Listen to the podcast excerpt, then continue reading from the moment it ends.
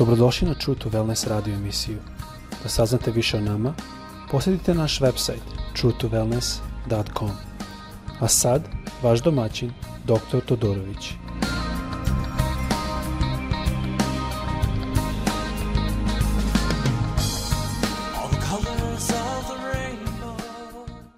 Ljubazni, dobrodošli na naš podcast.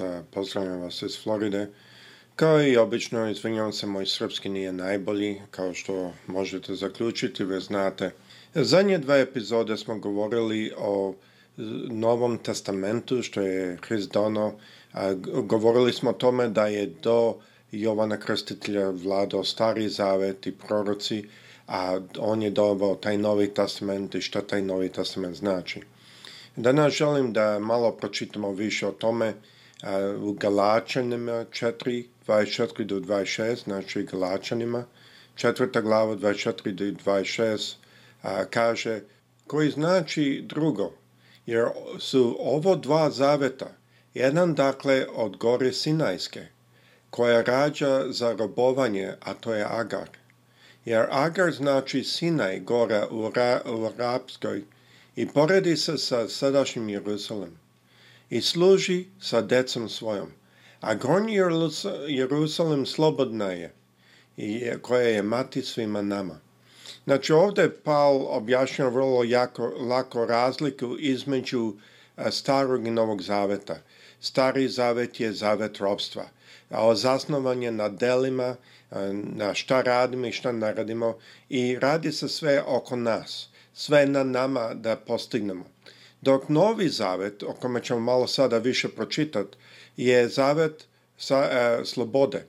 Zasnivan je na usvajanju i sve od, odnosi se na njega. Drugim rečima, zasn, zasnovan je na posinavljanju, da mi postamo njegova familija. Zašto je to tako? Zato što mi nismo dovoljno jaki, ali on je. Da smo mi mogli sa zakonom da se izvadimo i da se spasimo, onda on ne bi trebao da umre.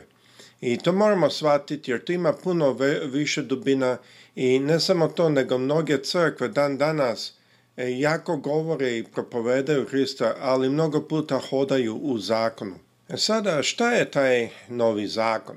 Mnogo puta narod ne svaća. Ima, ja sam čuo da ljudi kažu, pa i dalje smo pod istim zakonom, osim što je Hrist platio žrtvu. Hrist je platio žrtvu, ali e, njegov zavet je puno dručiji. Mi vidimo to što on sam kaže u starom zavetu su rekli to i to, a ja vam kažem, na primjer, u starom zavetu nemoj počini preljuba, ja vam kažem da onaj koji pogleda već je učinio preljubu. Znači, ne radi se o tome da sad možemo živjeti kako hoćemo, to pod navodnicima, zato što onaj koji voli Boga želi da živi ispravno na prvom mjestu. Ali šta to znači je da ne više hodamo u starom zavetu koji je zavet robstva u kome se nalazi strah. I kaže na engleskom baš tako, dok na našem malo drugčije kaže u Rimljanima 8.15 za 17. A, ovako piše – jer ne primiste duh robstva, opet da se bojite. Na engleskom kaže opet da hodate u strahu. Nego primiste duha posinačkog, kojim vićemo Ava oče. Što ovdje znači je da je Novi Zavet razlike u tome što smo dobili duha posinačkog, da mi vićemo tata. Ava oče na arabijskom znači tata. I ovdje kaže, ovaj duh svedoči našem duhu, da smo deca Božja, a kad smo deca i naslednici smo naslednici, dakle Boži, su naslednici Hristovi, jer s njim stradamo da se s njim i proslemo. Ovdje vidimo da se radi o posinjanstvu, da postanemo njegova deca. Zašto on to radi je zato što gospod ne želi da se samo fokusiramo na spoljašnosti, šta si radio, šta nisi radio, nego više motivacije koje su unutra. I ovo je bitno za razumjeti. Tako da vidimo da stari zavet je zavet srobstva koji vlada u strahu. A u čemu vlada novi zavet? Novi zavet vlada u ljubavi, zato se radi o posinaštvu. Zašto je ovo slučaj? Zašto je gospod išao kroz sve to da promeni? On želi da naša srca njemu pripadaju. I on je objasnio u Novom Zavetu da ono što izlazi iz naših srca pogani nas. Ne to što su dela, dela su plodovi, svakako dela ne smaju biti tu, ne loša dela, ali ta dela su plodovi onog što je loše u motivaciji. Da dam primjer, na, na primjer, ako ja pregazim neko sa kolima, to može da je slučajno, možda čak i da njihova greška su iskočili ispred moje kola, a može da je namerno, u kom slučaju je to ubistvo. A ista je akcija, ali zavisno šta se dešava u mom srcu, zavisi kako Bog to e, vidi.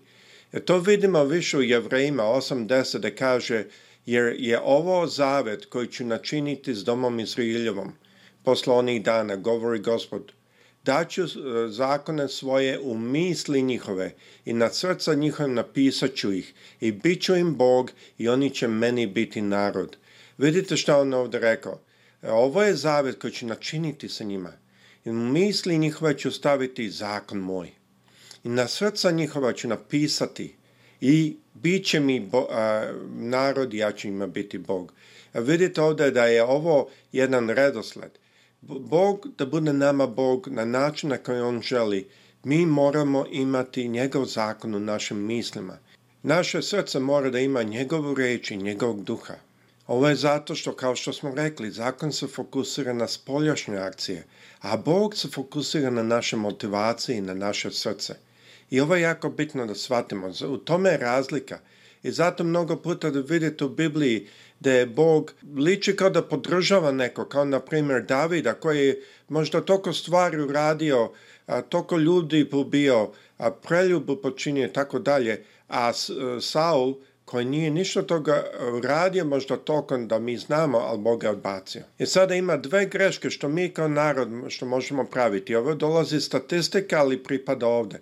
Neću sada da objašnjam previše statističku varijanciju tu, ali jedna od greška je da mi možemo imati loše motivacije, ali dobre spoljašne akcije. U drugim rečima budemo licemeri. U nama u srcu nije, nisu stvari čiste, od spolja se pokazamo čisti. Ajde pogledamo ove dve greške. Prva je loša motivacija, ali dobre spoljašne akcije. Mi vidimo da je Hrist kad je bio na zemlji, da on nije podnosio fariseje i sadusije. On im je rekao u Mateju 23. glavi, teško vama književnici farisei licemeri, što ste kao okračeni grobovi koji e, koje se s polja vide lepi, a unutra su puni kostiju mrtvačkih i svake čistote. E, tako i vi, s polja se pokazujete ljudima pravedni, a iznutra ste puni licemere i bez bezakonja. Ovo je on rekao i e, farisejima i sadusejima, to je književnicima, i moramo znati da oni kao ljudi, ako gledamo njihov život, vratno njihov život bio bolji nego recimo one prostitutke što, s kojima se Isus družio ili carinicima ili grešnicima s kojima Isus je bio sirom, siromašima. No, Isus nije sudalo njihom grezima svakako, ali on se družio s njima, ali njih nije kritiko. Dok je kritika ove, zašto? Jer su se ovi pravili da su bolji. Znači, oni su imali određenu situaciju srca, ali su pravili od spolja da izgleda puno lepše. Ovo je jedan zakon, ovo se često dešava u našim crkvama, da mi odemo unutra, ljudi se pokazuju lepo, ovdje u Americi idu sa lepim kolima, čak voze puno lepše u nedjelju nego druge dane, da malo budu sveti, a, tako da, da ne ulazimo u sve te stvari. Ali ovo je a, jedna od grešaka što se često pravi. A druga greška što mnogo puta se pravi u našoj crkvi zato što nije zakon Boži napisan u našim srcima je to što mi mnogo puta gledamo recimo ljude koji imaju možda dobro srce, ali se ne pokazuju, ne, e, ne, ne pretendaju, ne, ne prave se kao da žive lepo. Ja znam jedan brat koji, na primjer, je živo u Južnoj Africi i on je pušio i svako ga je prezirao, čak njega familija ga je prezirala kad je pušio, ali dve nedelje prema što ga gospod uzao kući, e, dok, kad je otišao u nebo, gospod ga oslobodio od cigare. I šta je bilo je da kad ga je gospod uzao kući, svi su se raspali. On je u stvari njih držao zajedno, a oni su ga svi prezirali. To isto vidimo, e, Hrist je govorio o farisejima koji su gledali na njega na taj način – u Mateju 11. glavlje kaže Dođe sin čoveči koji i jede i pije, oni kažu gle čovake iz izjelice i pijanice, druga carinicima i krešnicima. I opravdaše se premudrost deca njena. I ovo opravdanje premudrosti je u stvari e, pokazivanje ta dva zakona u kome mi pričamo.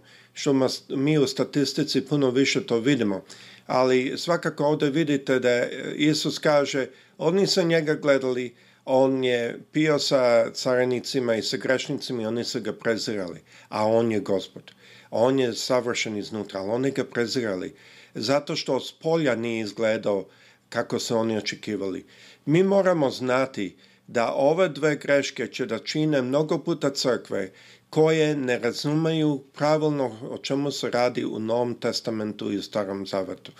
A šta je stvar je da je gospod došao da nas preduzme iz zakona koji bazira na strahu. Ne smeš ovo, ne smeš ono, ne smeš ono. I da vas dovede u jedan, na jedno mesto da mi možemo biti kod gospoda kao njegova deca – da on može da menja naša srca, naše motivacije, kako se mi ponašamo. I kada on napiše zakon njegov na naša srca, onda nećemo imati ove dve greške. Zato moramo se paziti da smo što bliže njemu, a da ove dve greške ne pravimo da se ne pravimo neko ko nismo, to je greška jedna, da je unutrašnja situacija nije sređena, ali spolje se pokazuje sređeno. A druga motiva, e, greška je da ne preziramo one koji možda ne žive kako mi mislimo da žive, a ne znamo što im je u srcu, što je druga greška. A jako je bitno shvatimo da gospod od nas želi da mi budemo deo njegove familije. Da on može da napiše njegov zakon na našim srcima da naše srce se smeje ili raduje kad se njegov srce raduje, da naše srce plače kad njegovo srce plače, da imamo takav osjećaj, da imamo tako srce, da imamo takve poglede kao što je on imao. O tome se radi. O tome se radi u reči Božje i to je što iznosi dobre plodove. Znači, mi i dalje gledamo na, na jedan život gdje trebaju plodovi da su dobri, ali mnogo puta što je nađem da hrišćani pokušaju da stave dobre plodove na svoje drvo, umjesto da paze da to drvo raste iz jednog srca na kome je napisana reč Božja. Tako da nadam se da će vas ovo ojačati. Ovo je treća epizoda na, ovom, na ovoj temi. Nadam se da svačete možda zašto, recimo, ako se borite sa nekom situacijom, možda sa nekom adikcijom, E, zašto Bog u stvari vas i razuma i želi da podigne? I zato što On želi da On napiše njegov zakon na naša srca. I kad On to napiše, onda naša pobjeda je lakše. Ne odmah, mi i dalje živimo u telu. Nije to odmah da sutra dan zaživi perfektno. Ali kako naše srce vapi više i više za njim, tako naš jedan život počne da prati njega. Mnogo puta narod se razočarava i oni gledaju na svoj život, gledaju na svoje slabosti i misle pa ja ovo nikad se savladati. U pravost. Zato je Bog donao da On napiše njegov zakon na našim srcima i onda vi samo pratite vaše srce, gledate vaše oči na njega, a vaš život polako počne da ide bliže i bliže njegovim koracima i njegovom životu to je ono pravi način na koji on želi. Mi možemo glumiti, mi možemo se praviti da sve, to hodamo, mi možemo da radimo dobre stvari, ali to nikad ne pobedi. Pobjeda je jedino u tome kada postanemo deca božja i kada dozvolimo da On napiše njegov zakon na naša srca. Gospod sa svima vama. Prijetno.